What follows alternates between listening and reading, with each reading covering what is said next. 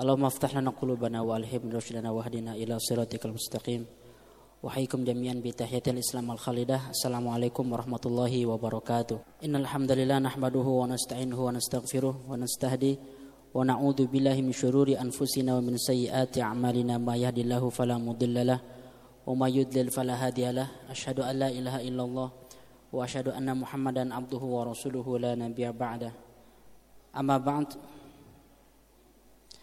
Ikhwan wa akhwati mudah-mudi yang saya hormati. Kita masuk ke sesi 25 ini Dengan fokus pada kajian pelajaran dari Uhud Dari perang Uhud ini. Dua pekan yang lalu saya menjanjikan bahwa kita Insya Allah akan mempelajari hikmah dari Uhud ini dengan mendetail Dengan sistematis. Pekan kemarin sengaja kita tidak menyisipkan inspirasi-inspirasinya karena saya yakin ini pasti akan banyak. Ketika saya coba elaborasi dari beberapa referensi ya, saya coba sebanyak mungkin, seefisien mungkin dan sekomprehensif mungkin. Saya analisis setelah saya ringkas, saya ringkas sepadat-padatnya ternyata saya dapat kira-kira ada 17 pelajaran.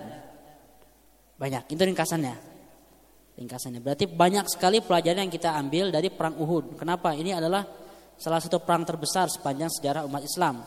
Setelah perang Badar ya. Bukan dari segi jumlah, tapi dari segi ahamiyah, urgensi. Perang Uhud inilah yang akan melahirkan generasi baru yang jauh lebih kuat dari sebelumnya. Justru dengan kekalahan. Nah, makanya kita akan kaji ini dengan uh, dengan rapih, dengan sistematis.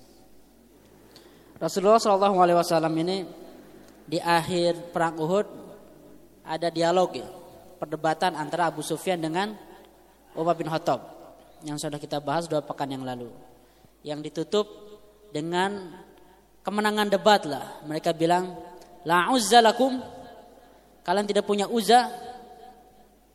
Dan Umar bin Khattab mengatakan Allahu maulana wala maulalakum. Allah adalah pelindung kami semua dan kalian tidak punya pelindung. Ketika Abu Sufyan mengatakan kita imbang, ya dia bilang imbang. Bayangkan Abu Sufyan nggak bilang kita menang nggak, dia, dia bilang kita imbang. Yaumun lana wa yaumun alaina. Wal harbu sijal. Perang ini gantian, kadang kita menang, kadang kita kalah, sehari buat kalian, sehari buat kami. Tapi kata Umar dibalas apa? Kotlana fil jannah wa kotlakum finnar. Korban-korban kami masuk surga, sedangkan korban kalian masuk neraka, gitu kan. Mau, mau bilang apa gitu kan. Jadi perang urat saraf, diskusi dan debat ini diakhiri dengan kembangan umat Islam. Umat Islam ceritanya masih bertahan di balik gunung. Setelah bertahan di balik gunung ini, lalu Rasulullah nunggu sampai orang-orang kafir Quraisy pulang. Rasulullah menyuruh Ali bin Abi Thalib untuk memata-matai. Coba lihat, andaikan mereka ini naik kuda, berarti mereka akan balik lagi dan akan menyerang Madinah. Karena kuda ini untuk kecepatan dan jarak pendek. Tapi andaikan mereka pada naik unta berarti mau mau melaksanakan perjalanan panjang pulang ke Mekah. Berarti mereka nggak akan nyerang lagi. Itu dicek sama Ali bin Abi Thalib ternyata hasilnya mereka pada naik unta artinya mereka pulang ke ke Mekah. Ketika sudah dipastikan sudah nggak ada lagi orang-orang Quraisy di medan Uhud itu, akhirnya Rasulullah mengutus beberapa sahabat untuk mengecek korban-korban jiwa dari umat Islam. Setelah dicek eh, sekitar 70 orang ya, 74 orang yang syahid. Dicek satu-satu, salah satunya yang mengecek adalah Ka'ab bin Malik. Beliau cek satu-satu. Ada beberapa cerita yang disebutkan dalam riwayat cerita sahabat-sahabat di akhir hayatnya jadi ini lagi menyisir korban-korban, barangkali ada yang sekarat, barangkali ada yang masih bisa diselamatkan, atau barangkali ada yang eh, apa namanya masih hidup, segar, cuma pura-pura, kita nggak tahu. Akhirnya dicek satu-satu, dicek satu-satu, cerita dari Zaid bin Sabit. Beliau sedang mencari Sa'ad bin Rabi'. Ketika dapat Sa'ad bin Rabi, Rasulullah ngasih pesan ke Zaid bin Sabit ini. Wahai Zaid, kalau ketemu dengan Sa'ad bin Robi ini tolong tanyakan bagaimana kabar kamu. Tolong tanyakan, lagi sekarang. Ternyata betul ketemu. Rasulullah salah an akhbarik. Rasulullah nanya tentang kabar kamu gimana? Dia bilang ini sekarat. Sesungguhnya ini asyumu rihal jannah. Saya sudah mencium bau surga kata beliau. Dan salamkan kepada Rasulullah Sallallahu Alaihi Wasallam. Jawabannya jawaban orang yang gembira, orang yang gak sabar ingin segera bertemu Allah Subhanahu wa taala. Kenapa? Dia sudah mencium bau surga ketika dia sedang sekarat. Lalu yang kedua cerita dari Usairim Amar bin Sabit. Usairim ini menarik ceritanya. Dia dari uh, sukunya Sa'ad bin Mu'adh.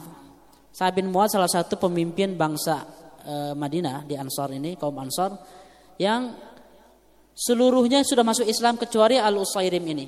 Dia belum masuk Islam. Pagi-pagi di hari Uhud sebelum perang Uhud ini dia tersentuh hatinya dan dia tobat. Dia masuk Islam, dia lari. Lari dengan perlengkapan perang bilang, "Ya Rasulullah, aku mau masuk Islam." Padahal dari kemarin ke mana aja? Sudah tiga tahun diajak masuk Islam, dia nggak mau masuk Islam. Tapi di hari perang Uhud, dia akhirnya masuk Islam dan ketika masuk Islam langsung bergabung dengan pasukan yang paling berat. Itu pasukan jihad. Bukan dengan grup pengajian, bukan dengan grup eh, apa namanya? grup tim dapur gitu kan atau bagian akomodasi atau bagian peralatan dengan ibu-ibu di Madinah enggak dia langsung gabung dengan tim paling berat yaitu tim jihad nah, sama Rasul diizinkan ikut perang dalam perang Uhud beliau e, cedera dan juga sakit parah lukanya banyak dan sampai sekarat ketika sekarat seperti itu akhirnya dia sampai syahidnya sampai wafatnya dan ketika dia syahid Rasulullah mengatakan dia ahlu surga sehingga Ibnu Mas'ud mengatakan, saya tahu katanya, Al Usairim ini belum pernah salat sekalipun. Belum pernah salat sekalipun. Baru masuk Islam, di hari yang sama dia sudah syahid. Dan dia masuk surga, belum pernah salat. Kita salat ribuan kali belum dijamin masuk surga. Jadi Usairim ini. Kenapa? Di akhir hayatnya husnul khatimah. Al Usairim. Tapi sebaliknya ada kisah tentang Qazman. Qazman ingat dua minggu yang lalu bagaimana kontribusi dia dia mengalahkan tiga orang pembawa bendera. Tiga orang pembawa bendera dari Quraisy, dia kalahkan dalam pertempuran face to face satu lawan satu. Qazban ini. Saking jagonya dia berhasil mengalahkan sekitar 8 7 sampai 8 orang pasukan Quraisy selama perang Uhud ini. Korban Quraisy sedikit, nggak nggak banyak-banyak amat. 8 orangnya ditumbangkan oleh Qazban ini. Di akhir hayatnya sama Kabin Malik ditanya, kamu sudah berjuang banyak untuk Islam. Ablaita balaan hasanan. Dia bilang, lah, sesungguhnya aku berperang ini li ajli qaumi. Saya berperang, berjihad ini untuk kebanggaan kaumku umatku. Jadi bukan karena Allah Subhanahu wa taala. Dan ketika lukanya makin sakit, dia sudah nggak bisa menanggung lukanya, udah nggak kuat, akhirnya dia mengeluarkan belatinya dan dia bunuh diri. Qazban ini, dia bunuh diri. Ketika Rasulullah ditanya tentang Qazman, jawabannya apa? Huwa min ahli nar. Dia penduduk neraka. Qazman, mujahid. Di akhir hayatnya dia bunuh diri. Ada lagi cerita cerita berikutnya. Yang keempat, kisah Hanzalah. Dicari oleh para oleh Rasulullah, coba cari Hanzalah di mana? Ketika dicari-cari ketemu. Ketika ketemu wafat uh, uh, ketika dia ketemu ini udah wafat jasa dia ini basah. Ketika basah ini langsung Rasulullah nanya, coba tanyakan apa yang terjadi pada dia. Tanya ke istrinya. Pas nanya ke istri dicek ternyata dia baru nikah sehari sebelumnya.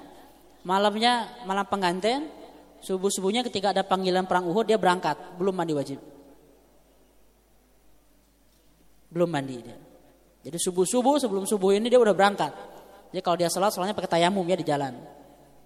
Jadi dia dimandikan oleh malaikat makanya eh, badannya basah ketika syahid itu. Lalu ada lagi yang kelima kisah al mukhairik. Muhairik ini orang Yahudi. Sebelum perang Uhud sudah ada perjanjian antara umat Islam dengan orang Yahudi. Perjanjian apa? Apa namanya? Hah? Piagam Madinah betul. Perjanjian Piagam Madinah itu perjanjian dengan orang Yahudi, Bani Nadir, Bani Quraidah, Bani Qaynuqa, Lalu juga perjanjian dengan orang-orang musyrik di sekitar Madinah untuk loyal kepada Rasulullah SAW sebagai pemimpin Madinah. Jadi membuat koalisi politik. Sehingga kalau ada perang, kalau Madinah ini diperangi, orang-orang lain yang non muslim wajib melindungi Madinah, wajib berperan dengan Rasulullah Shallallahu alaihi wasallam. Dan uh, ini dan dia ini apa? komitmen. Lalu dia pidato di depan kaumnya, Al-Mukhairik ini. Ya ma'syarul Yahud, kita harus keluar bersama Muhammad, membela Muhammad. Tapi kebetulan ini hari Sabtu. Hada hada ya musab. Ini hari Sabtu kita nggak bisa berperang. Ini waktu waktu istirahat, waktu ibadah Sabtu ini. Nggak ngapa-ngapain, nggak boleh berperang. Kata Al Mukhairik ini, la sabdalakum, nggak ada hari Sabtu buat kalian hari ini. Sekarang waktunya perang. Karena kaumnya nggak ada yang mau ikut, dia berangkat sendirian. Bergabung dengan pasukan Rasulullah Shallallahu Alaihi Wasallam sampai akhirnya dia terbunuh juga. Dan dia bilang khairul Yahudi al Mukhairik. Sebaik-baik orang Yahudi di zaman Rasulullah adalah orang ini, Mukhairik ini. Masuk surga enggak? Nah, kan dia jihad. Masuk surga enggak? Yakin? Yakin? Jelas nggak masuk surga ya, karena dia bukan muslim. Inna dina indallahi Islam. Kontribusi mau sebesar apa pun tetap nggak bisa. Cuma dia dihargai oleh Rasulullah sebagai orang Yahudi yang sangat komitmen dengan janji. Cukup segitu aja, dia nggak dapat surga. Berikutnya yang paling naas adalah Hamzah bin Abdul Muttalib. Seperti yang Anda tahu sendiri kisahnya ya. Badannya dimutilasi. Dan sahabat yang dimutilasi bukan hanya Hamzah banyak. Yang dimutilasi dipotong-potong itu banyak. Oleh orang-orang Quraisy saking keselnya, saking mereka geramnya, balas dendam sampai potong-potong. Dan itu bukan tradisi bangsa Arab. Bangsa Arab salah satu karakternya adalah punya harga diri, punya kehormatan, tidak tidak mau melakukan hal-hal yang hina enggak itu mutilasi itu hina sekali gitu kan. Kalau kalah kalau mengalahkan menang aja udah dengan izah. Jangan sampai motong-motong badan. Tapi mereka saking sudah kalapnya motong-motong. Musa bin Umair pun naas, tangannya dua-duanya terpotong kan. Ketika ditutup dengan kain kafan, kepalanya ditutup, kakinya kelihatan. Kakinya ditutup, kepalanya kelihatan. Padahal Musa bin Umair ini orang yang paling kaya di Mekah ini. Ibaratnya seperti putra mahkota. Di sukunya Bani Abdudar dia ini yang yang akan mewarisi kepemimpinan Bani Abdudar. Bani Abdudar ini pemegang kunci Ka'bah dan juga eh, apa namanya? pemegang panji perang Bani Abdudar ini. Dan Musa bin Umair calon pemimpin dari Bani Abdudar. Cuma dia tinggalkan peluang jabatan itu karena gara apa? Dia hijrah dengan Rasulullah ke Madinah. Bahkan dia menjadi duta Madinah. Madinah tidak akan futuh. Rasulullah tidak akan hijrah tidak akan ada Islam bahkan di dunia ini kalau Rasulullah nggak hijrah ya secara syariatnya dan tidak akan hijrah Rasulullah kecuali kontribusi Musa bin Umair ini biiznillah. Dan ketika wafat orang yang kaya perlente ini yang wajahnya mirip dengan Nabi Muhammad justru dia tidak mempunyai kain kafan yang cukup di kantongnya ini untuk menutupi badannya. Tidak punya kain kafan dan kadang-kadang kita perlu stok ya Mau lebaran kita beli sarung, kali-kali beli kain kafan. Hadiah gitu ya. Hadiah buat suami kain kafan. Buat istri. Wah, apa namanya saya sebagai anak yang soleh mau ngasih hadiah ini kain kafan. Belilah buat sendiri gitu kan. Kalau Syekh Sa'id Hawa itu mempunyai tradisi menggali kuburan di, belak di pekarangan rumahnya, di belakang rumahnya. Ngapain? Ya dia situ aja, santai. Santai di dalam kuburan. Ingin tahu perasaan dalam kuburan kayak gimana. Pakai kain kafan itu dia ngebalut sendiri. Nanti udah udah kira-kira seram sedikit baru buka gitu. Coba latihan. Anda tahu uh, para pemimpin Daulah Utsmaniyah itu kalau Anda lihat sorbannya segede apa? Gede kan sorbannya kan? Itu bukan sorban style buat Instagram keren bukan? Itu sorban itu kain kafan. Sorban para sultan-sultan di Daulah Utsmaniyah itu adalah kain kafan yang mereka siapkan untuk diri mereka sendiri, mereka pakai di kepalanya sehingga ketika memerintah setiap saat dia bernafas dia ingat ini di atas kepala saya ini ada kain kafan yang siap membungkus badan saya. Boleh ingat seperti itu? Boleh, itu bukan beda. Itu adalah cara kita tadhkirul maut. Mengingat kematian, zikrul maut. Jadi kalau mau nanti bikin seragam baru Masjid Salman ini. Kain kafan di atas kepala. Jadi trennya jadi viral. Ini dua orang ini. Inspirasinya apa? Kita sudah sampai inspirasi 246 ya. Ingat inspirasi 245 ke belakang? dihafal lah. Nanti setelah beres kajian ada ujiannya. Saya dulu nyangkanya ini kira-kira saya bilang berapa episode dulu saya janjinya? Bukan janji saya memprediksinya. 30 saya memprediksi ya. Sekarang udah episode 25 baru bangkit dari Uhud. Belum perang Khandak, Ahzab, belum Hudaybiyah, belum Fatu Mekah yang gede-gede ini. Yang lain-lain banyak. Tabu, Mu'tam masih banyak. Jadi mungkin bisa sampai 40. Masih prediksi juga. Tapi nggak apa-apa, kita santai, santai, slow aja. Yang penting setiap elemennya itu terbahas dengan detail, dengan rinci dan dengan komprehensif. Inspirasi 246 ini adalah tentang husnul khatimah. Kualitas sejati manusia tidak diukur dari kontribusinya sepanjang hidup. Tapi diukur dari hembusan nafas terakhirnya. Jadi bukan amal-amal soleh setiap hari, bukan. Kenapa? Karena nggak ada yang aman dari sakaratul maut. Jangan kita bayangkan sakaratul maut ini adalah situasi biasa ketika kita bisa ngomong apa aja ditanya, dibisikin oleh anak kita misalnya. Kita usia misalnya 70 tahun anak kita soalnya dia bisikin kita la ilaha illallah, la ilaha illallah Muhammad Rasulullah ya abati. Abi, pa, ucapkan la ilaha illallah umi, ucapkan la ilaha illallah. Apakah kita kira gampang? Oke, oke, santai, santai. La ilaha illallah Muhammad Rasul. Enggak. Kita menggigil, kita sakit, kita stres. Mungkin kita sudah melihat penampakan malaikat Israel. Mungkin napas kita sudah di kerongkongan, nggak mudah mengucapkan la ilaha illallah. Sebagaimana beratnya ucapan la ilaha illallah di lidah Abu Talib sama Rasulullah Shallallahu Alaihi Wasallam nggak mudah itu.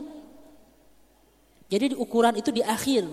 Apakah di akhir kita saking sakitnya, saking nggak sabarnya, setiap hari kita kebiasaan gak sabar, kebiasaan temperamen. Di akhir hayat kita mengucapkan kalimat-kalimat busuk.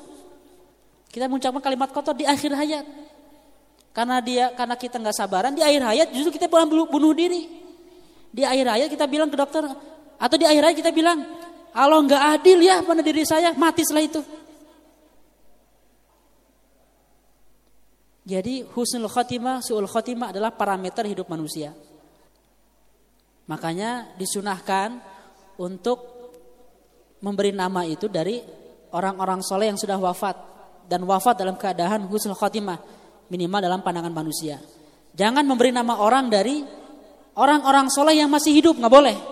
Sesoleh apa pun dia. Ada syekh, ada ulama, lagi populer, lagi jadi dai, lagi jadi buah bibir, kita kasih nama dia nggak boleh. Kenapa? Tidak ada yang menjamin akhir hayatnya. Nggak ada yang menjamin. Sehebat apa pun dia. Ada beberapa kawan ngasih nama Erdogan. Ya dia orang hebat insya Allah orang soleh. Tapi kita nggak tahu akhir hayatnya wallahu alam. Jadi jangan kasih nama orang yang masih hidup. Misalnya saya kasih tahu Abdurrahman Al Wahid mantan presiden kita. Dia nggak dia mem, orang tuanya memberi nama Abdurrahman Wahid kenapa kira-kira? Prediksi saya mungkin dia mengambil dari seorang pahlawan Islam yang membangun kembali daulah Usma, daulah uh, Umayyah di Andalus namanya Abdurrahman Ad-Dakhil digelari Abdurrahman pertama atau Abdurrahman Wahid? Itu boleh udah wafat. Nama Salahuddin Al-Ayyubi boleh. Nama siapa lagi? Muhammad Al-Fatih boleh. Tapi kalau nama ulama-ulama di Indonesia masih hidup nggak boleh. Kalau tidak ada jaminan husnul khatimah. Tapi kita mendoakan semoga semuanya husnul khatimah. Gitu ya. Ini parameter terakhir adalah hembusan nafasnya. Lalu setelah Rasulullah mensweeping semua korban ini, lalu Rasulullah pulang dengan para sahabat ke Madinah dengan luka yang luar biasa banyak. Rasulullah sendiri pipinya kiri kanannya sudah bolong. Bolong oleh apa? Oleh ring besi yang nempel di pipinya masuk ke menerobos pipinya dari helm Rasulullah itu, helm besi Rasulullah. Ketika sampai di Madinah ini para perempuan-perempuan Madinah pada menyambut kan istri-istri para mujahidin yang ditinggalkan di Madinah. Ceritanya macam-macam. Cuma cerita yang terkenal adalah Himna binti Jahsh. Ini masih kerabat Rasulullah. Saudaranya Abdullah bin Jahaz meninggal. Dia bilang innalillahi wa inna ilaihi rajiun. Lalu e, pamannya Hamzah bin Abdul Muthalib juga ketika dikasih kabar dia wafat syahid, dia bilang innalillahi wa inna ilaihi rajiun. Ketika dikasih kabar suaminya meninggal, Mus'ab bin Umair baru dia jadi jeritan. Wah, jadi jeritan. Tapi Rasulullah mentolerir. Kenapa? Beliau mengatakan, Inna zaujal marati minha labi makan. Sesungguhnya suami itu mempunyai tempat yang spesial di hati istri-istrinya atau istrinya. Jadi Rasulullah mentolerir seorang istri yang nangis jerit-jeritan gara-gara ditinggalkan suaminya. Tapi tidak semuanya seperti ini. Ada juga seperti ada salah seorang perempuan tidak disebutkan namanya, dia seorang dinaria dari suku Dinar. Ketika e, dikabarkan ini keluarga kamu wafat, biasa aja. Suami kamu wafat biasa aja. Apa dia yang tanya? Kaifa Rasulullah, kaifa Rasulullah sallallahu alaihi wasallam? Gimana kabar Rasulullah? Hudni ila Rasulillah. Coba ambil bawa saya ke Rasulullah, saya ingin tahu, saya ingin lihat bahwa apakah beliau sehat atau enggak. Dia nggak nanya, nggak nanya kerabatnya, nggak nanya keluarganya, datang ke Rasulullah. Setelah dikasih lihat Rasulullah masih hidup, masih segar, walaupun lukanya banyak. Lalu beliau mengatakan, Amma idro'aituka saliman, fakot ishtawaitu, fakot ishtawaitu al musibah. Inna kuru musibatin ba'daka amrun jalal. Sesungguhnya musibah apa pun setelah saya lihat engkau selamat, enteng semuanya, kata beliau. Ada yang kayak gini, banyak perempuan yang kayak gini. Jadi yang mereka tanyakan ketika mujahidin Uhud ini pulang, bagaimana kabar Rasulullah Sallallahu Alaihi Wasallam? Bukan suaminya, bukan ayahnya, bukan kerabatnya. Inspirasinya apa? Kencitan kepada Nabi membuat kesedihan para sahabat ringan, bahkan setelah ditinggal keluarga terdekat. Karena yang paling penting adalah nasib Nabi Muhammad. Nah sekarang kita mulai masuk ya, ini pelajaran dari perang Uhud dari satu jam setengah lebih satu jam setengah yang saya sampaikan dua pekan yang lalu prosesi perangnya kita mulai elaborasi. Yang pertama ada 17 pelajaran tentang syuro, syuro sebelum perang. Nabi Muhammad perang Uhud ini atas perintah atas perintah Nabi Muhammad langsung atau hasil kesepakatan? Sepakat. Rasulullah memilih tinggal di Madinah atau perang atau perang di Uhud, memilih tinggal di Madinah. Tapi kesepakatan masyarakat, kesepakatan publik dalam syura itu mereka menginginkan perang di luar Madinah, yaitu di Uhud. Makanya Rasulullah ketika udah disepakati, ya udah Rasulullah sepakat juga ikut dengan aspirasi mayoritas, pakai baju perang. Ketika keluar wajahnya lagi kurang ridho gitulah. Bolehnya tidak ridho dengan keputusan syuro? Boleh nggak? Kita tidak sepakat nih dengan keputusan syuro. Kita tetap lakukan, cuma kita nggak ridho, boleh nggak? Boleh nggak? Boleh. Nggak ridho. Tapi tetap dilaksanakan. Yang penting dilaksanakan, bukan ridho tidak ridho. Kenapa? Dalam rapat ada 100 orang, 90 orang bilang A, kita bilang B. Yang menang 90 orang, kalau nggak ada kesepakatan kita voting. Kita tidak ridho, tapi tetap kita laksanakan. Nah Rasulullah sama seperti itu. Rasulullah menginginkan di Madinah, cuman para sahabat mayoritas ingin di di Uhud. Ya udah Rasulullah sepakat dengan keputusan mayoritas. Padahal beliau seorang nabi. Kalau kita yang dapat posisi kayak gitu, enggak, ente siapa? Saya nabi. Melawan keputusan pemimpin. Nah, Rasulullah enggak kayak gitu. Rasulullah justru keluar dari rumahnya dengan pakaian besi, udah siap. Para sahabat baru nyadar, aduh nggak enak kita. Sudah memaksa Rasulullah melakukan apa yang tidak apa yang tidak beliau kehendaki. Akhirnya mereka ngasih pilihan ya Rasulullah kalau engkau mau nggak apa-apalah kita ngalah kita di Madinah aja kita bertahan. Justru Rasulullah bilang kita komitmen dengan keputusan syura.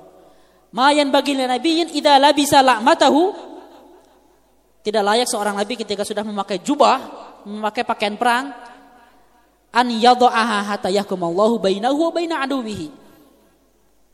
Lalu dia letakkan lagi nggak layak sampai Allah memutuskan siapa yang menang antara nabinya atau musuhnya. Jadi syurolah yang membuat pasukan itu solid. Inspirasinya adalah langkah dan gerakan yang diambil dari kesepakatan publik akan lebih menguatkan barisan daripada instruksi searah pimpinan. Apa apa relevansinya hari ini? Hari ini aspirasi dari bawah itu perlu didengar. Kalau kita mempunyai sebuah gerakan besar, organisasi besar, komunitas besar, kita jadi bos, jadi pemimpin, jadi kiadah, jadi rois, jadi ketua, buka telinga lebar-lebar Buka mata lebar-lebar. Kasih jaring aspirasi, bikin survei, bikin selebaran, bikin polling. Dengarkan aspirasi bawahan rakyat, apa yang mereka inginkan. Ketika kita mampu mengagregasi aspirasi publik, kita mampu membuat barisan yang solid dengan kesepakatan publik. Jadi jangan seenaknya mentah-mentah kita pemimpin, nah, saya ketuanya, saya kiadanya, lakukan apa yang saya, apa yang saya perintahkan, pakai struktur, pakai surat. Rasulullah saja Sepakat dengan aspirasi publik. Didiskusikan dengan majelis syuro itu gitu kan.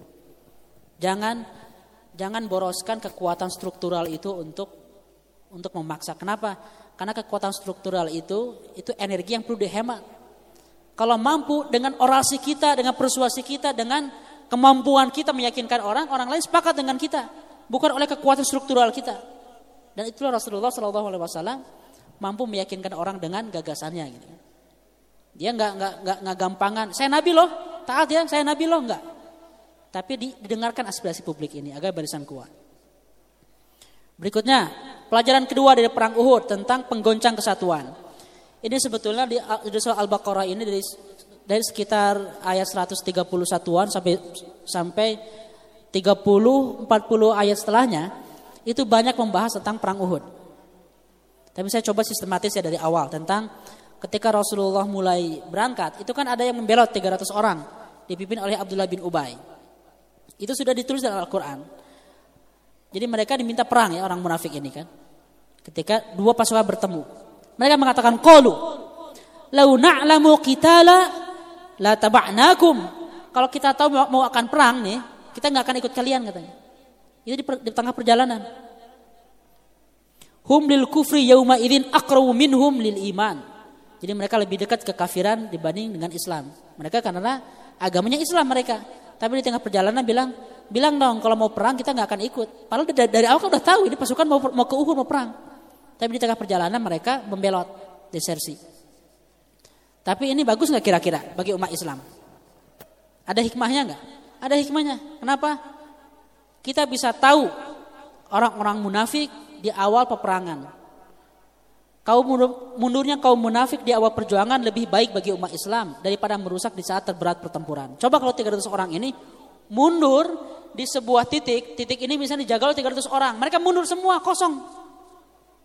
Lebih parah lagi. Jadi alhamdulillah mereka mundurnya di awal pertempuran, bukan di tengah-tengah pertempuran. Sehingga apa? Di dalam pertempuran 70 orang itu 700 orang itu adalah 700 orang, 700 muslim terbaik yang siap di posisinya yang disiplin. Sehingga 700 orang inilah yang akan memenangkan perang Uhud. Kecuali ketika 90 orangnya baru tidak disiplin. Tapi selama semuanya solid, ini 700 orang ini mampu menang sebetulnya. Jadi dalam momen-momen yang sangat krusial, kalau ada orang-orang yang mundur bagus. Kenapa? Kita tahu siapa yang tidak siap mendukung sampai akhir. Jadilah orang-orang yang jantan, jadilah orang-orang yang punya harga diri. Kalau siap mendukung sebuah proyek, kalau siap mendukung sebuah program, kalau siap bergabung dalam sebuah barisan, gabung sampai mati. Sampai proyeknya beres. Jangan setengah-setengah. Saya paling agak uh, tidak nyaman ketika ada orang maju mundur dalam sebuah proyek. Gabung cuman kontribusinya nggak jelas, rapat nggak mau, di, kontak susah, tapi dia terdaftar, tapi dia mau bergabung. Lebih baik Anda bilang tidak, agar apa? Agar posisi Anda bisa ditempati oleh orang-orang yang lebih produktif. Dibanding orang-orang yang hanya tampang nama. Jabatannya ada, PJ ini, PJ itu, ketua departemen itu, tapi nggak ada kerjanya. Mundur saja. Lebih baik sedikit tapi solid dibanding jumlah anggotanya banyak cuman hanya formalitas. Dan inilah umat Islam 700 orang ini orang-orang yang paling solid setelah dibersihkan dari 300 orang munafik. Pelajaran ketiga, partisipasi perempuan. Dalam perang Uhud ini beberapa perempuan tercatat. Jumlahnya saya tidak hafal, tidak ada keterangan jumlah perempuan seluruhnya berapa, cuman nama-nama yang tercatat itu misalnya Aisyah radhiyallahu anha. Dan semua perempuan yang ikut adalah perempuan-perempuan yang suaminya ikut perang. Jadi dengan mahramnya. Ummu Imarah, Hamna bin, binti Jahsh al-Asadiyah. Lalu Ummu Sulaim, Ummu Sulaim dan beberapa perempuan Ansar. Ikut perang. Ini menjadi dalil bahwa perempuan boleh ikut dalam pertempuran untuk mensupport laki-laki yang sedang ada di front terdepan. Kenapa? Karena banyak sekali skill-skill yang bisa diisi oleh perempuan. Sehingga inspirasinya 250 ini, inspirasi, inspirasi nomor 250, rumah bukan satu-satunya ruang kontribusi perempuan. Karena banyak bidang strategis kehidupan yang lebih baik dipikul oleh perempuan. Benar nggak? Banyak yang lebih baik dipikul perempuan. Kalau jadi suami ke dokter kandungan atau ke ginekologi, istri kita mau dibawa ke dokter laki-laki, kita perempuan. Hah? Bidan. Bukan kedokteran ya sebetulnya, ketelitian, kejelian, itu luar biasa perempuan gitu. Jadi banyak sekali bidang-bidang yang ketika perempuan memasukinya, organisasi bisa stabil. Saya ingat perkataan Jack Ma. Dia bilang, saya memberikan porsi yang sangat banyak bagi perempuan untuk gabung di perusahaan Alibaba ini. Kenapa?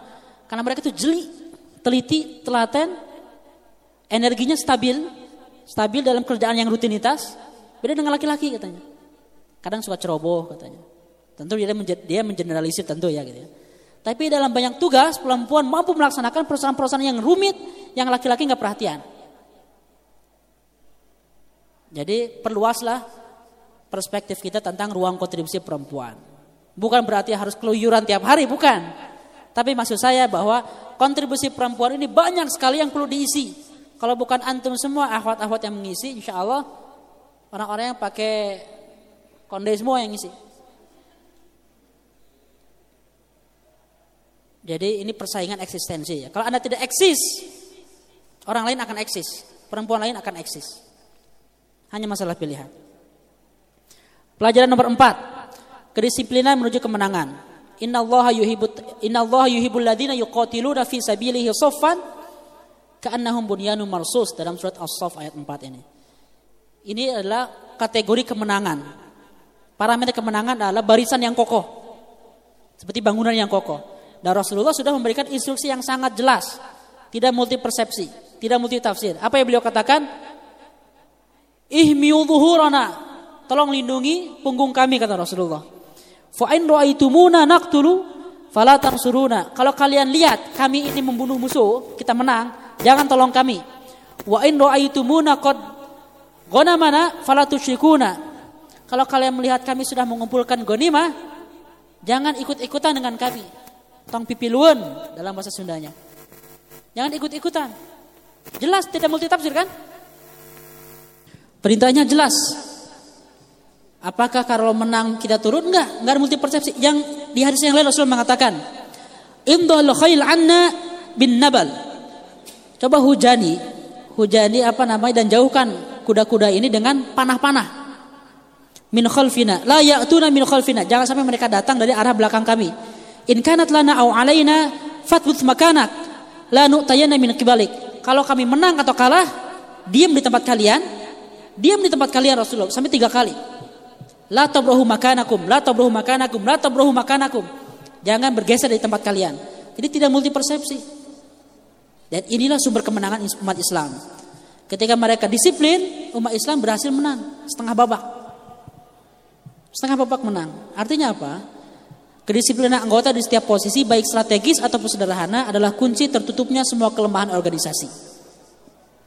Organisasi itu lemah kalau medsosnya nggak jalan, kalau jarang update, kalau jarang posting, kalau misalnya ketuanya malas, kalau bendaharanya acak-acakan, eh, apa namanya pelaporan keuangannya, kalau sekretarisnya nggak rapi, banyak peluang-peluang yang membuat organisasi itu runtuh. Kalau satu posisi ini nggak optimal, nggak optimal, posisinya biasa-biasa aja misalnya bagian, terus posisinya hanya bagian e, mendata absen, absensi seperti di data gitu kan mereka absen. Lalu ketika ada rapat penting evaluasi bagaimana perkembangan sebuah organisasi, nggak ada data. Gara-gara apa? Gara-gara si tukang absen yang cuma nyatat, nggak melaksanakan tugasnya. Bisa hancur sebuah organisasi. Apalagi dalam sebuah perang. Jadi setiap orang mempunyai posisi strategis, posisi yang sangat penting, vital dalam sebuah organisasi. Baik itu kelihatan atau nggak kelihatan, baik itu yang di publik ataupun yang di dapur. Semuanya mempunyai peran. Pelajaran nomor 5 dari surat Al-Imran ayat 152.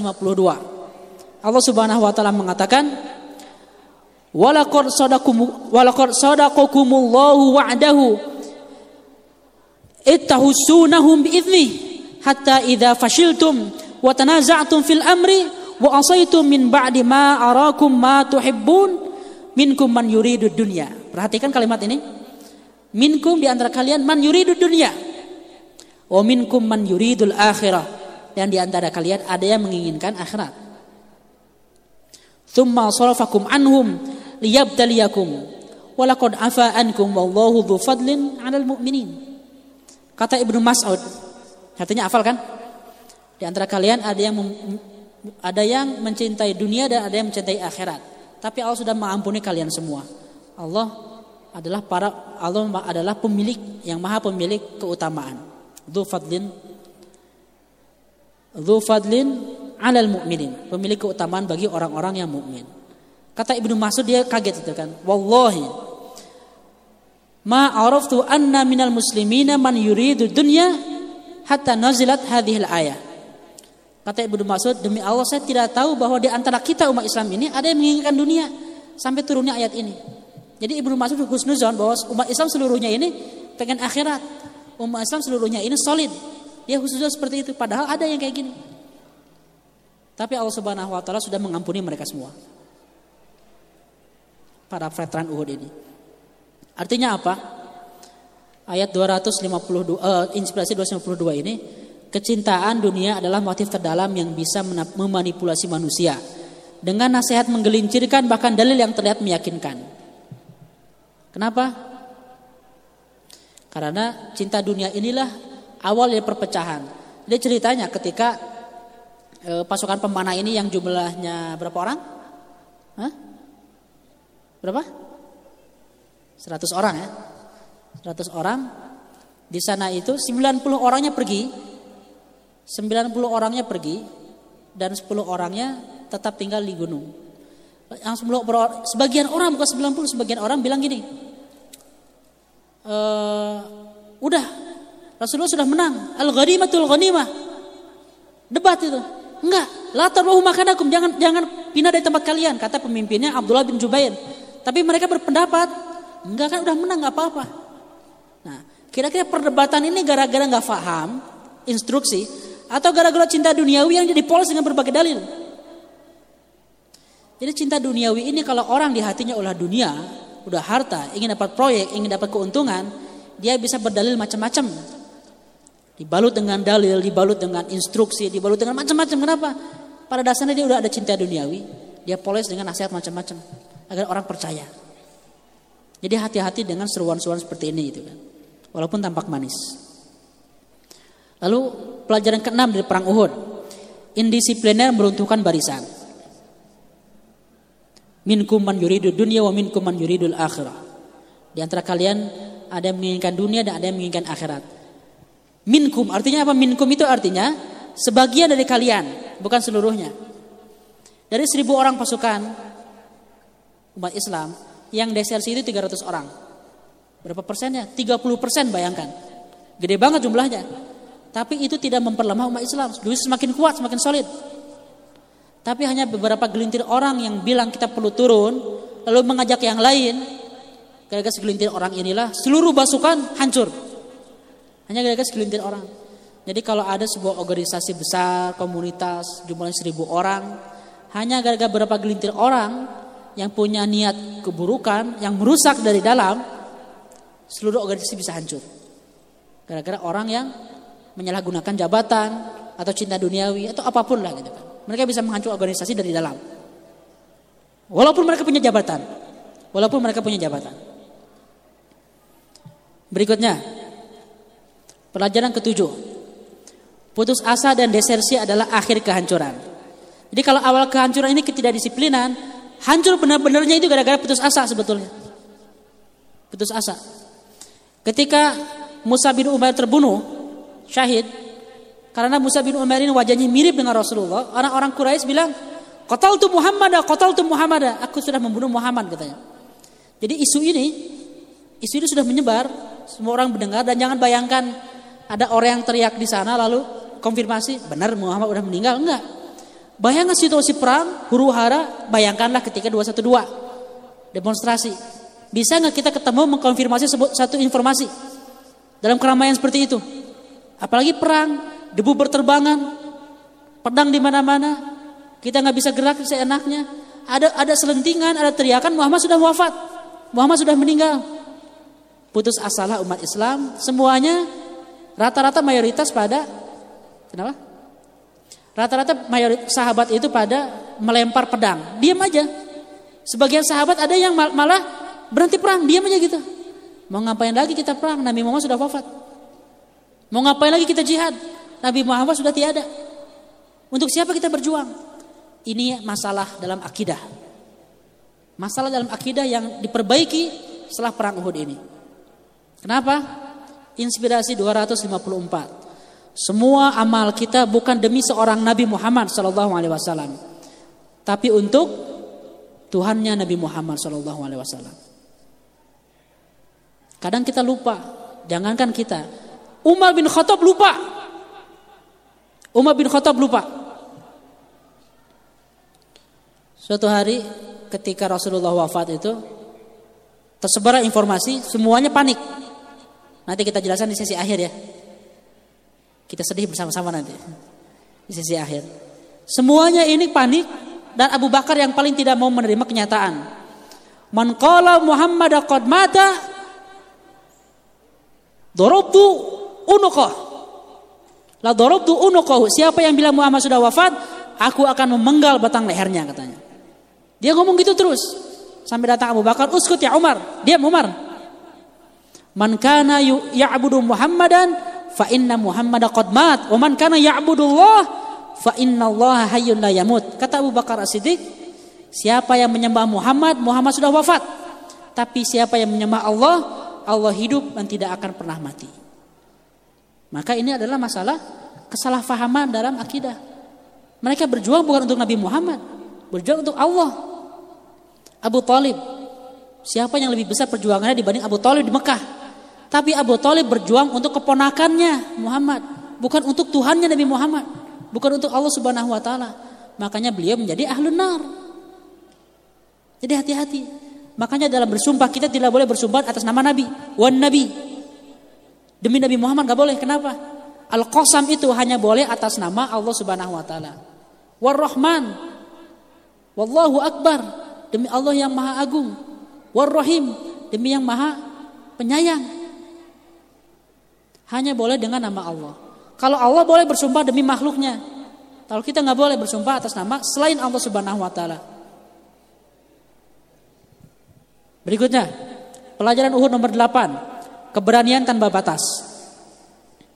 Wa ka'ayyin min nabiyyin qatala ma'ahu ribbiyuna katsirun fama wahanu lima asabahum fi sabilillah wa ma dhu'fu wa mastakanu wallahu yuhibbus sabirin.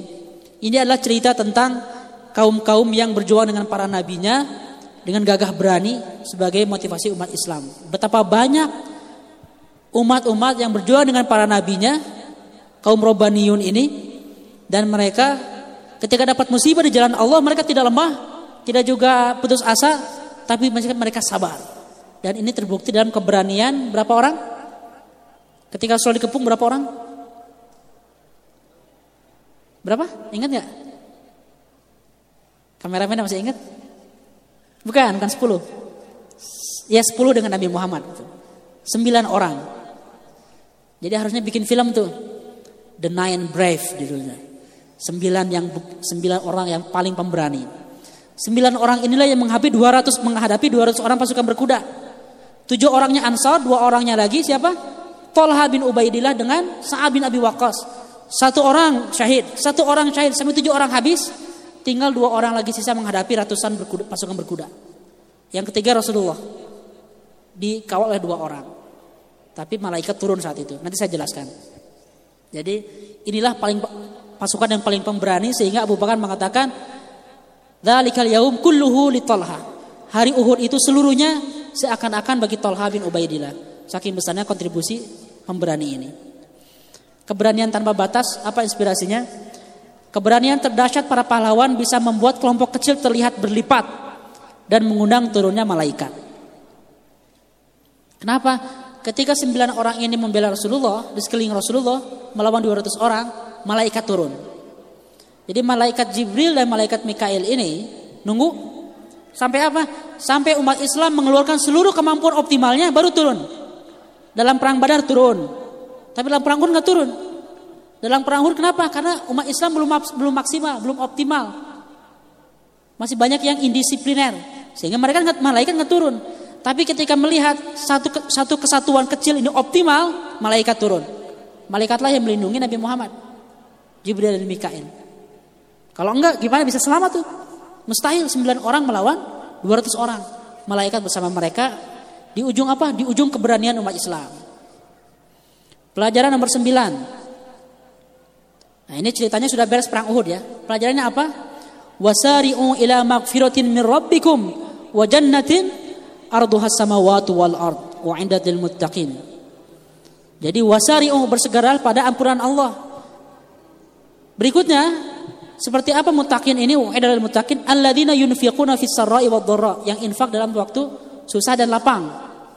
Wal kadhiminal ghaidh wal afina 'anil nas wallahu yuhibbul muhsinin. Apalagi karakter orang bertakwa ini? Walladzina idza fa'alu fahishatan aw dhalamu anfusahum dzakarullah fastaghfaru lidzunubihim. Yaitu orang-orang yang ketika berbuat salah, zalim, zalimnya seperti apa? Menzalimi dirinya sendiri, fa'alu fahisyatan atau berbuat fahisya, kemunkaran, mereka langsung beristighfar.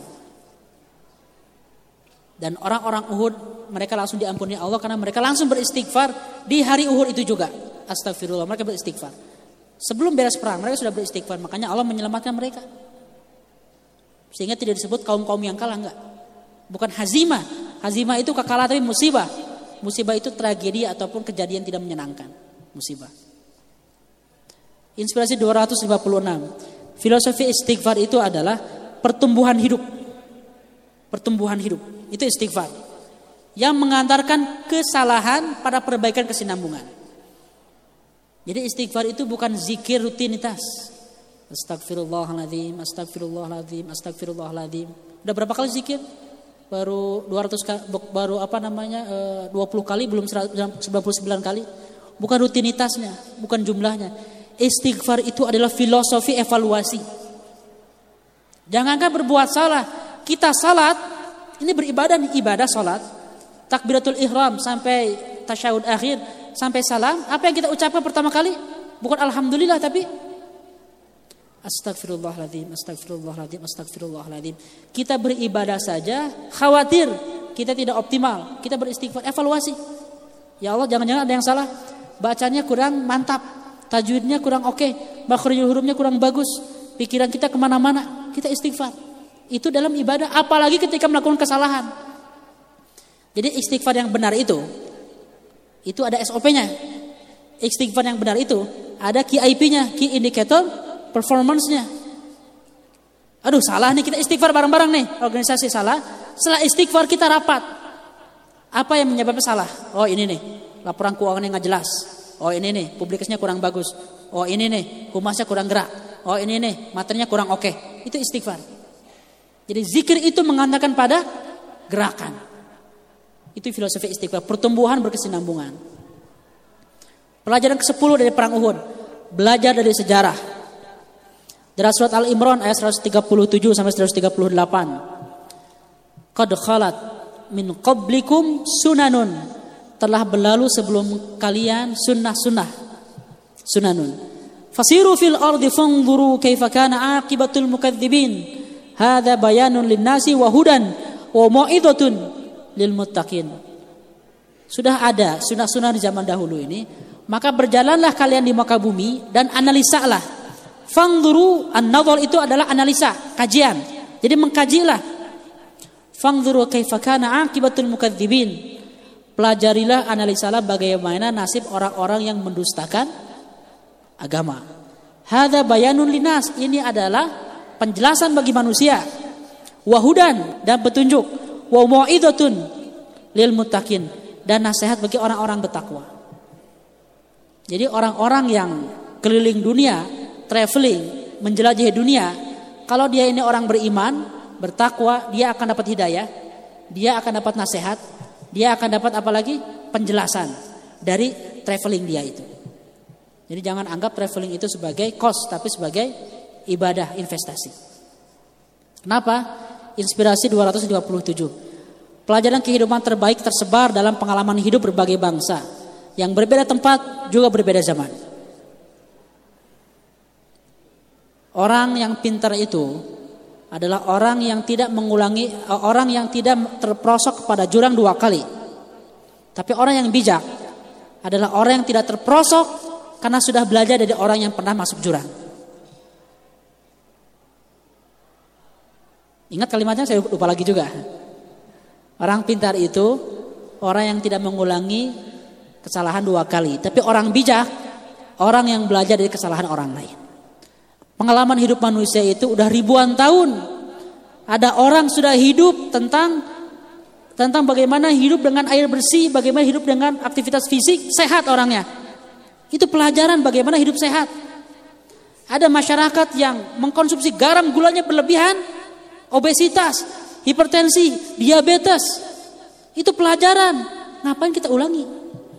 Kalau sebuah masyarakat mengkonsumsi gula dan e, garamnya overdosis, mereka sakit, mereka mati gara-gara hipertensi, stroke atau diabetes. Ya ngapain kita ulangi? Apa yang terjadi ke mereka akan terjadi ke kita. Coba Anda baca buku. Judulnya The World Until Yesterday. Jared Diamond. Saya kira sudah sudah diterjemahkan di toko buku. Terjemahnya adalah The World Until Yesterday. Oh, bukunya judulnya sama, tapi bahasa Indonesia sudah ada. Jared Diamond ini dia seorang wartawan juga ahli geografi ya keliling dunia dia mengkaji tentang di buku itu tentang karakter dan tabiat kehidupan masyarakat-masyarakat tradisional sepanjang sejarah. Jadi dia teliti itu masyarakat Papua kayak gimana. Dan dia meneliti contohnya adalah salah satu pembunuh terbesar di abad ini itu bukan kecelakaan pesawat, bukan kecelakaan lalu lintas, bukan juga perang, tapi gula dan garam. Dia mempelajari tentang etika pergaulan sosial. Bagaimana sebuah masyarakat bisa bahagia Gara-gara pengaruh hubungan sosial. Kita sudah punya itu namanya ukhuwah Islamiyah. Silaturahim. Makanya belajar. Pelajarilah dari orang Arab, dari orang Mesir, dari orang Turki, dari orang Jerman, dari orang Jepang, dari orang ateis. Pelajarilah.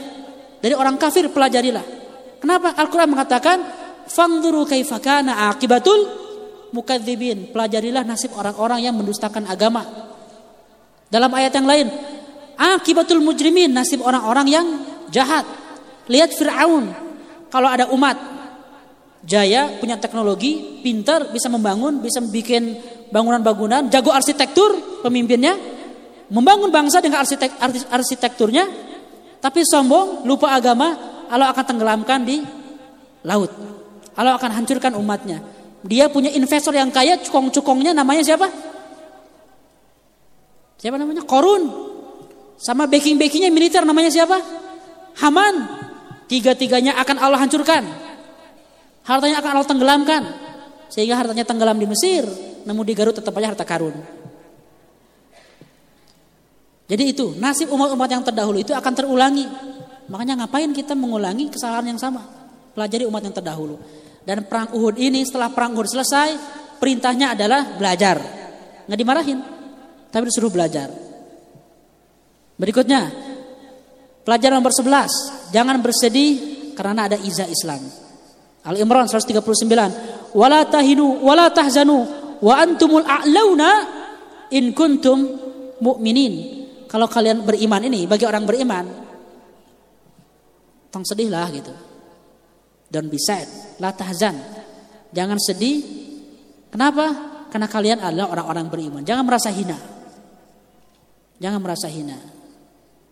Allah Subhanahu wa taala menjaga mentalitas umat Islam jangan sampai down. Tidak menang dalam peperangan biasa aja.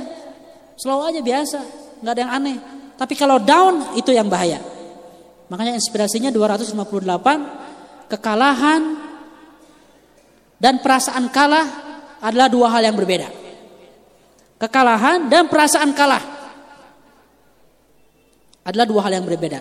Karena kejayaan di alam nyata selalu bermula dari kemenangan di alam pikiran. Jadi kalau kita misalnya gagal UN, nah, gagal dengan perasaan gagal itu beda. Gagal dengan perasaan kalah, down itu beda. Gagalnya biasa aja, tapi perasaan santai UN gitu kan. Saya akan coba lagi ke universitas yang jauh lebih keren dari universitas ini. Misalnya, eh, saya, saya dulu gitu soalnya. Jadi ada ada anekdot apa namanya? uh, fabel, fabel ya gitu kan. Ada musang ingin mentik buah gitu kan. Tek, dia nggak nyampe buahnya, nggak bisa ambil gitu kan. Nggak nyampe terus dia bilang gini, ya ngapain juga ngambil buah itu, paling juga pahit buahnya. Saya juga nggak mau kok gitu. Padahal emang nggak mampu gitu. Jadi udah nggak mampu pun kita perlu melakukan simulasi psikologis. Waktu itu waktu saya gagal masuk eh, tentara dulu ya. Ya ngapain tentara juga kok. Nanti apa namanya baris-baris doang. Ya, itu untuk menghibur diri. Tapi akhirnya cari jalan lain. Ke universitas lain nggak masuk. Lah ngapain universitas ini juga. Paling juga nanti ngelamarnya jadi karyawan biasa juga. Akhirnya cari universitas yang lebih gede, Al Azhar dan Manchester. Akhirnya apa? Itu namanya simulasi psikologis. Kalah dengan perasaan kalah berbeda. Jadi kalau anda belum berhasil, santai aja, pede aja gitu kan. Muka tebal, muka tebal, jangan pakai make up tapi. Muka tebal aja, santai. Yang penting jaga ritme optimisme itu. Berikutnya, pelajaran 12. Proporsional memandang musibah. Al-Imran 140. Wa tilkal ayamu nudawiluha bainan nas wa liya'lamallahu alladhina amanu wa yattakhidha minkum syuhada. Wallahu la yuhib zalimin. Itulah hari-hari yang kami pergilirkan di antara manusia. Kadang menang, kadang kalah. Kadang kalian menang, kadang mereka menang. Agar apa? Agar Allah mengetahui di antara kalian ini yang beriman dan mengambil di antara kalian orang-orang yang syahid. Ketika kalah pun ada yang syahid itu keuntungan. Dalam ayat yang lain Al-Baqarah Al-Imran 165. Awalamma asabatkum musibatun qad asabtum mithlaiha. Kalau kalian dapat musibah, santai. Yang lain pun dapat musibah yang sama. Kultum anna hadha kul huwa min indi anfusikum innallaha ala kulli syai'in qadir. Apa ini? Itu dari kamu aja katanya perasaannya. Allah Maha Kuasa atas segala segala, segala sesuatu. Inspirasinya apa? 259. Bagi muslim, setiap situasi selalu menyimpan kemenangan-kemenangan unik. Sehingga tidak ada waktu untuk meratapi kejadian sepahit apa pun itu. Dalam perang Uhud, siapa bilang yang syahid ini melangsa? yang syahid ini udah masuk surga dijamin. Tapi orang-orang setelah perang Uhud belum tentu masuk surga. Yang dijamin masuk surga tanpa hisab itu hanya 10 orang. Tapi yang syahid sudah jamin masuk surga. Tapi yang masih hidup masih harus berjuang untuk beramal soleh sampai husnul khatimah. Jadi nggak ada kerugian. Ada kemenangan-kemenangan kecil yang jangan kita lupakan.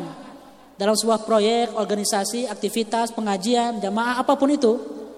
Ketika kita ada capaian-capaian kecil, rayakanlah, bergembiralah, lalu juga bangun optimisme. Nah, kita alhamdulillah sudah sudah mencapai milestone-milestone kecil untuk menuju kesuksesan yang lebih besar. Jadi nggak ada yang sia-sia semuanya ada kebaikan, ada hikmahnya. Walaupun dalam kondisi paling terpuruk. Dalam salah satu bahasa ustaz saya itu prahara menjadi anugerah. Jadi kalau ada prahara, rubahlah dengan kemampuan kita menjadi anugerah. Berikutnya pelajaran nomor 13. Pergiliran kemenangan dan kekalahan. Sama ya, watilkal ayamun udawiluha bainanas. Itulah hari-hari yang kami pergilirkan di antara manusia. Kenapa kita tidak boleh menang terus? Kenapa kira-kira? Karena kemenangan-kemenangan itu pada tabiatnya, pada dasarnya bertabiat membuat hati keras. Karena terlalu sering Alap Arslan ketika memenangkan perang besar melawan tentara salib dia mengatakan setelah ini siapa lagi yang bisa mengalahkan aku Dia mulai lupa. Tapi akhirnya taubat juga dia di akhir hayat. Pemimpin besar itu kan. Umat Islam dalam perang Hunain id kum kathratukum kalian bangga dengan jumlah kalian karena menang terus maka umat Islam sebelum perang Uhud ini perang Badar menang, dalam syariah-syariah menang terus. Kalau menang lagi umat Islam tidak akan belajar. Belajar apa? An-nasru min indillah. Wa ma ramaita id ramaita walakinallaha roma. Bukan kalian yang melempar itu, Allah yang melempar. Jadi Allah membutuhkan eh, Allah memberikan pergiliran ini agar kita nyadar terus, tidak kebablasan, tidak lupa diri. Kalau menang terus bahaya. Inspirasinya adalah Kemenangan terus-menerus membuat hati keras, membuka celah kesombongan dan mengecilkan peran Tuhan.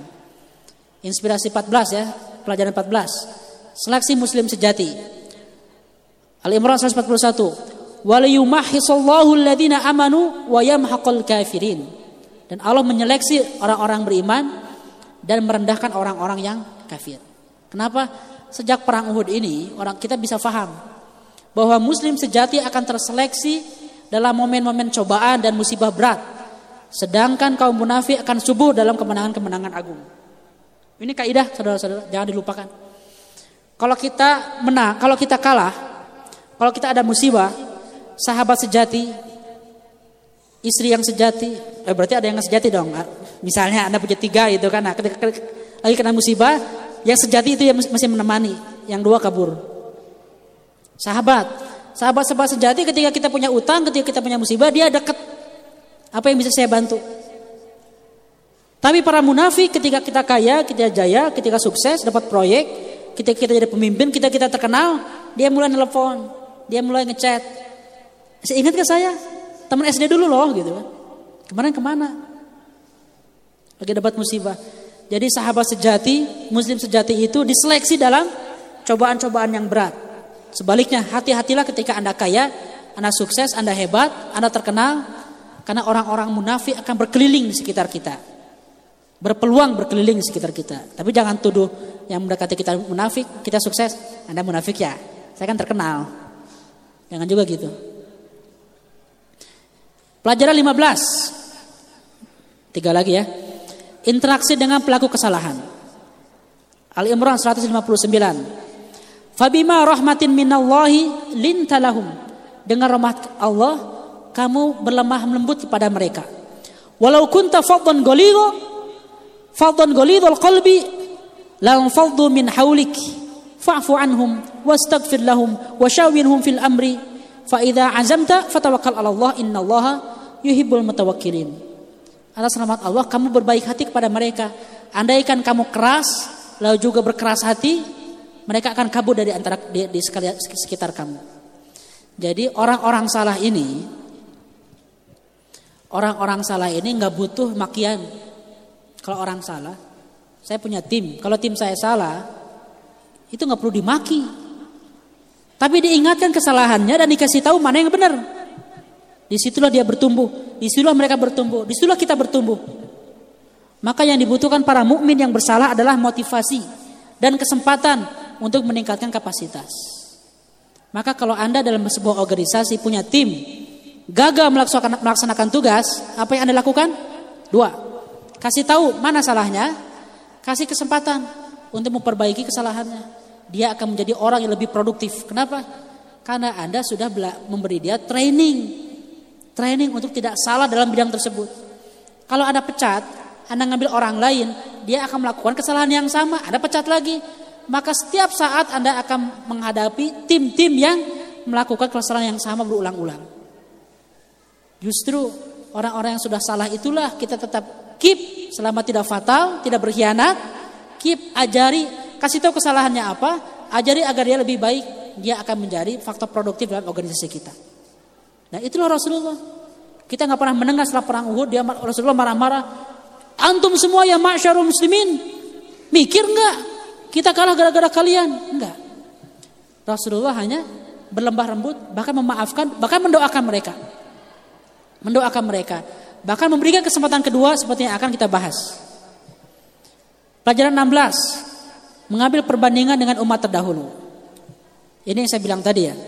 Wa ka'ayyin min min nabiyyin qatala ma'ahu ribbiyun. Ribbiyuna katsir. Betapa banyak orang-orang yang berjuang dengan para nabi. Agar apa?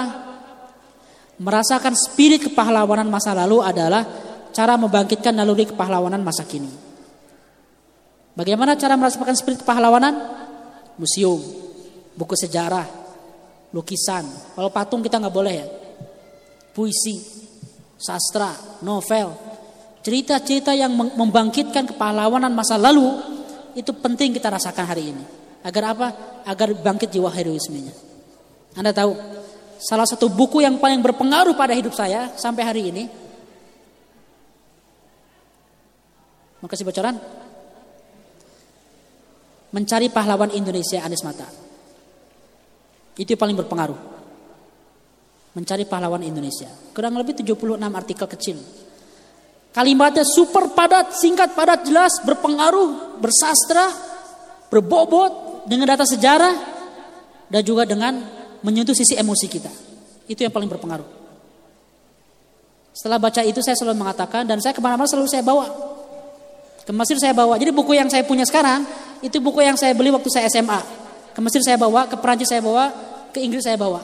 Pulang lagi ke Bandung saya bawa. Setelah, saya membaca buku itu saya selalu mengatakan Mengapa orang lain yang menjadi pahlawan pahlawan, di, di, di, di, di dalam sejarah, kenapa nggak saya yang melanjutkan pahlawanan mereka? Kenapa saya tidak menjadi barisan, tidak masuk ke barisan mereka, seperti dalam buku-buku ini? Kenapa saya tidak menjadi pahlawan Indonesia itu? Itu yang saya katakan pada diri saya sendiri. Maka pelajarilah sejarah orang-orang besar agar semangat keberanian, semangat optimisme dan kepahlawanan itu semangat kerelawanan itu muncul. Kenapa? Gara-gara kita tahu kisah orang-orang dahulu. Jadi bukan omong kosong. Ngapain sih mempelajari kisah Andalus? Kisah Nabi Muhammad udah lama banget, udah jadul gitu. Ketinggalan zaman. Apalagi kisah Nabi Musa, Nabi Sulaiman udah lama banget. Kita mempelajari spirit orang-orang besar kalau kita ingin jadi orang besar. Terakhir, pelajaran 17. Syarat pertolongan Allah. Ini Surat Al-Anfal ayat 12 ini turun ketika perang Badar ya. Id yu id yuhi rabbuka ilal malaikati anni ma'akum fathabitul ladzina amanu saulqi fi qulubil ladzina kafaru ru'ba. Allah Subhanahu wa taala mengatakan aku akan menyusupkan rasa takut rasa gentar di hati musuh-musuh kalian. Ini bentuk pertolongan Allah. Mentalitas mereka down kita kuat. Ada hujan, di sana hujannya lebat, di kita sepoi uh, hujan gerimis. Ada angin, di sana badai, di sana topan, di kita angin sepoi-sepoi yang bikin ngantuk. Itu pertolongan Allah Subhanahu wa taala, di luar kalkulasi manusia. Cuman pertolongan ini hanya datang saat usaha manusia maksimal. Turunnya pertolongan Allah hanya akan datang di akhir kesempurnaan usaha, usaha manusia. Dalam perang Uhud ini di awal-awal sempurna, di tengah perjalanan bolong. Pasukan pemanah turun. Nggak turun pertolongan Allah. Malaikat nggak turun. Mau turun ya nggak jadi. Tapi di akhir ketika Rasulullah dengan sembilan sahabat ini berjuang mati-matian, yang lainnya nggak dibantu, yang ini dibantu. Karena ini maksimal keberaniannya. Itulah datang ke pertolongan Allah.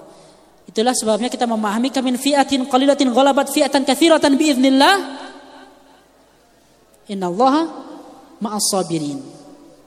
Sesungguhnya Allah bersama orang-orang yang sabar. Membantu kelompok yang kecil mengalahkan kelompok yang besar. Badar 313 mengalahkan 1000. Uhud 700 bisa bertahan di depan 1000 orang. Perang Mu'tah, perang Qadisiyah, perang Salib, perang Hitin, Ain Jalut. Banyak sekali perang-perang umat Islam yang jumlahnya rata-rata satu banding tiga, kadang satu banding sepuluh. Kenapa bisa menang? Kenapa bisa bertahan? Karena usaha manusia, usaha Islam maksimal. Tapi betapa banyak perang-perang kita kalah, jumlah kita lebih banyak karena kita sombong, karena kita lupa dengan Allah. Dalam kehidupan kita artinya apa? Ketika kita belajar maksimal, all out, tidak SKS, di depan ujian, tiba-tiba dapat soal yang gampang, yang baru fresh kita pelajari dua hari yang lalu masih ingat, yang dipelajari dua bulan yang lalu nggak ada nggak keluar. Itulah pertolongan Allah. Di luar kalkulasi manusia.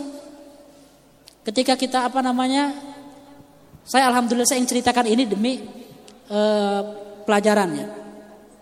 Waktu itu saya ingin ujian ujian uh, IELTS. Target saya saya kalkulasi untuk ujian ini hanya harus hanya hanya ada waktu bulan uh, November, harus November, eh awal Desember, harus awal Desember. Kalau telat saya nggak akan bisa daftar untuk kuliah. Saya cari-cari daftar di Belgia. Waktu itu saya di Paris. Di Belgia tutup, di Lyon penuh, di mana-mana penuh. Dan saya serius, saya udah persiapan tiga bulan, tapi nggak ada kesempatan. Waduh, udah udah khawatir tuh. Allah memberikan jalan. Ada satu slot kosong, orang yang batal gitu kan di Paris. Oh, udah daftar. Ketika datang, email, ada email gitu kan, ini tempatnya, konfirmasi anda, anda bisa ikut tes IELTS itu musim dingin, musim dingin itu jam 8 itu masih gelap. salat subuh itu setengah tujuh musim dingin. Jadi saya keluar setengah tujuh itu masih gelap. Jam tujuh nyampe tempat, kok gudang kosong, nggak ada orang. Pas lihat email, emailnya masuk spam. Mohon maaf, ada perubahan tempat.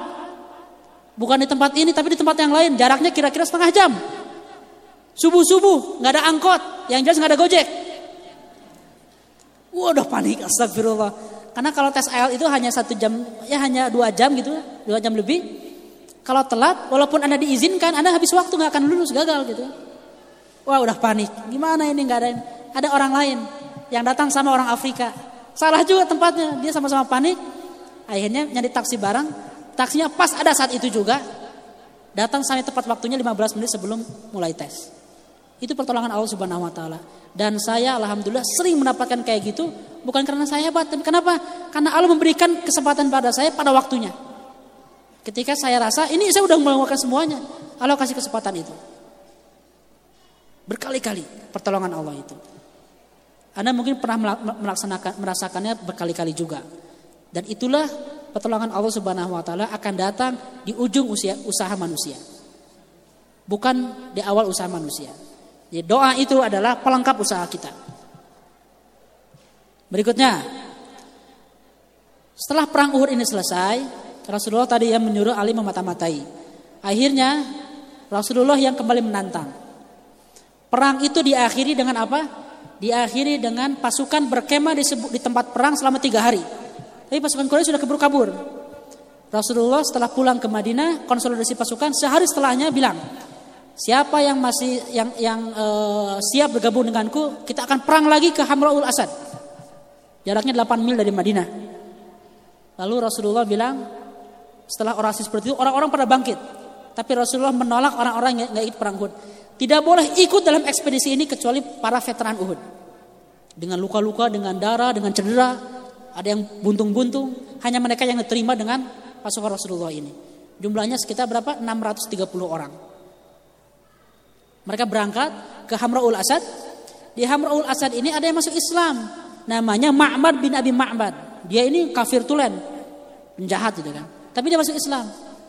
Ketika masuk Islam, kamu siap berjuang nggak? Siap ya Rasulullah. Oke, saya kasih misi.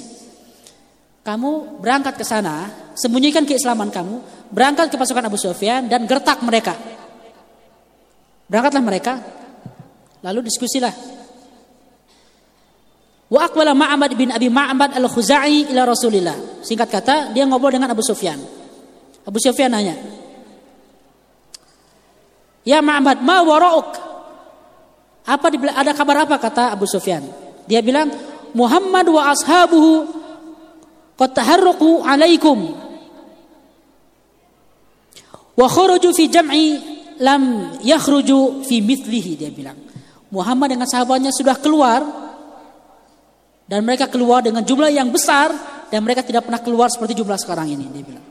Terus dia bilang wa qad nadima man kana takhallafa anhum min ashabihim Faqala ma taqul? Dan juga orang-orang yang nggak ikut perang Uhud sudah menyesal padahal nggak ikut kan? Nggak ada. Yang nggak ikut perang Uhud menyesal mereka udah bergabung. Ini apa berbohong nggak? Bohong nggak? Bohong. Yang ikut dengan Rasulullah hanya yang ikut perang Uhud. Tapi dia bilang bahkan yang nggak ikut perang Uhud pun menyesal maka bergabung. Jumlahnya banyak sekali. Lah jumlahnya sama. 630 orang. Bahkan lebih sedikit. Abu Sofyan kaget. Mataku maknya kata Abu Sofyan Maknya itu masa sih gitu. Lalu dia bilang Ma ara an tartahil hatta yatlu awwalu jaysh min wara hadhihi al-akmah. Qala Abu Sufyan wallah laqad ajma'ana al-qurrah alaihim lanasta'silan lanasta'silahum. Demi Allah kami akan menghadapinya, akan menghancurkannya kata Abu Sufyan. Tapi kata Ma'bad, hati-hati. Fa inni anhaka an. Wallahi laqad hamalani ma raaitu an qultu fihi abyatan fi sya'r. Dia bilang, "Jangan nasihat saya, kamu jangan berani-berani menghadapi Muhammad." Setelah itu dia bersyair. Anda tahu syair itu sekarang itu ibarat buzzer. Ibarat konten viral. Syair itu propaganda. Jadi kalau orang udah bersyair semuanya diem. Kenapa? Syair itu mahal. Dihafal, lalu diceritakan bahkan menjadi budaya. Jadi kalau orang udah bersyair itu dahsyat lah pokoknya. Dia bersyair tentang apa? Tentang kehebatan pasukan Muhammad. Sehingga orang-orang kafir Quraisy mulai ciut. Akhirnya mereka semua gentar, tidak berani menghadapi pasukan Nabi Muhammad. Pulang. Pulang ke Mekah. Dan Rasulullah nunggu di Hablul Asad, silakan yang berani nantang datang ke sini. Kami berkemah tiga hari seperti kebiasaan para pemenang. Jadi kalau kita menarik perang Uhud itu sampai ke Hamraul Asad sebagai akhir episode dari perang Uhud, maka tidak ada yang menang, tidak ada yang kalah, imbang. Kenapa? Karena yang berkemah tiga hari tiga malam sebagai seorang pemenang adalah pasukan Nabi Muhammad SAW. Makanya bukan disebut kekalahan atau hazimah, tapi musibah atau ujian. Inspirasinya, jika umat berhasil bangkit dari kekalahan, memperbaiki dari kesalahan, bersemangat setelah keputusasaan, maka mereka siap menghadapi tantangan-tantangan kehidupan yang jauh lebih besar. Itulah pelajaran besar dari perang Uhud. Secara zahir kalah, tapi di situ menyimpan rahasia pelajaran yang sangat besar bagi umat Islam sampai hari kiamat. Baik, silahkan ada yang mau ditanyakan? Baik. Dua pertanyaan yang pertama tentang perbedaan musibah ujian ya atau kekalahan. Parameternya hanya satu. Allah Subhanahu wa taala akan selalu memberikan musibah ujian karena kehidupan ini seluruhnya intihan ujian. Ujian ini bisa mengatakan pada kemenangan atau kekalahan. Parameternya adalah setelah kejadian ini kita bertumbuh nggak itu aja. Pemilu dalam politik, angka kita jeblok. Tapi setelah angka jeblok ini militasi tumbuh, naik. Apa namanya? Bangkit lagi seluruh daerah, bergelora, semakin solid. Itu adalah kemenangan, musibah yang menumbuhkan. Tapi kita dapat angka yang lumayan, setelah itu kita hura-hura, santai, pesta pora, ibadah mulai kendor, lalu juga solidaritas lemah, itu kekalahan. Walaupun secara angka uh, apa namanya uh, menyenangkan secara angka. Jadi parameternya adalah pertumbuhan setelah kejadian itu. Ada pertumbuhan enggak? Sama dalam urusan sehari-hari misalnya perceraian, kematian seseorang, eh, kebangkrutan, kegagalan ujian. Nah, kegagalan ujian saya nggak mau saya kasih contoh deh, takut antum termotivasi nanti. Yang jelas musibah-musibah seperti ini, kalau setelah musibah itu antum tumbuh, makin giat, itu kemenangan. Kalau makin down, putus asa, nelangsa, nauzubillah sampai bunuh diri, itu kekalahan. Bahkan bunuh diri itu kemusyrikan. Itu ya parameter. Yang kedua tentang peran perempuan. Yang pertama perlu difahami bahwa perempuan berjilbab lebih sulit dibanding yang tidak berjilbab. Perlu difahami. Tapi dalam kesulitan itulah ada pahala. Al-ajru ala qadri masyakkah kata ulama usul fiqh. Pahala itu sesuai dengan kadar kesulitan.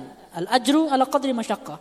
Jadi Anda ingin diterima di sebuah perusahaan dengan jilbab, insya Allah pahalanya ketika Anda kerja jauh lebih besar dibanding perempuan cantik, seksi, rok pendek diterima kerja. Kenapa? Kadang nggak punya skill pun, ah, nggak apa-apa terima deh, segar buat kantor. Diterima, kenapa? Gampang. Tapi ada lebih susah. Di situlah perbedaan pahalanya. Anda ingin masuk ke apa namanya sebuah instansi, instansi pemerintah, susah pakai jilbab naik karirnya. Itu perjuangannya lebih berpahala dibanding orang yang jadi keluarga bos, jadi keluarga atasan kerabat, gampang dengan nepotisme. Al ajru ala qadri masyaqqa. Jadi jangan dianggap stres, jangan dianggap uh, apa namanya masalah yang membuat kita uh, diam aja di rumah nggak berkontribusi kan susah di luar nggak, dihadapi saja. Itu perlu difahami yang pertama. Jadi pahalanya besar. Yang kedua, apa namanya? Perlu ada apa istilahnya uh, perubahan komposisi komposisi. Kenapa sekarang kita susah? Muslimah itu. Karena komposisi muslimah berkerudung apalagi yang aktif di masyarakat itu sedikit komposisinya.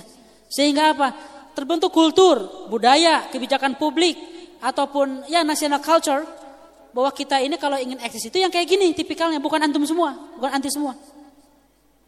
Nggak berkerudung, harus wah, menarik perhatian, seronok, make upnya harus kayak gimana, agar apa customer service ataupun bagian front office yang rok pendek itu jadi kultur. Kenapa? Komposisi kita sedikit. Tapi ini bisa dirubah dengan apa? Dengan banjirnya muslimah terjun ke masyarakat. Dengan banjirnya muslimah. Coba bayangkan kalau misalnya ada 100 dokter berkualitas. Ngelama ke rumah sakit. Masa iya sih ditolak semuanya? Pasti banyak yang diterima. Kalau dibanjiri. Kalau yang yang yang menjadi arsitek, yang menjadi ahli kimia, yang menjadi uh, para tata kota, menjadi para uh, apa namanya? akuntan, pengacara, banyak muslimah muslimah berjilbab.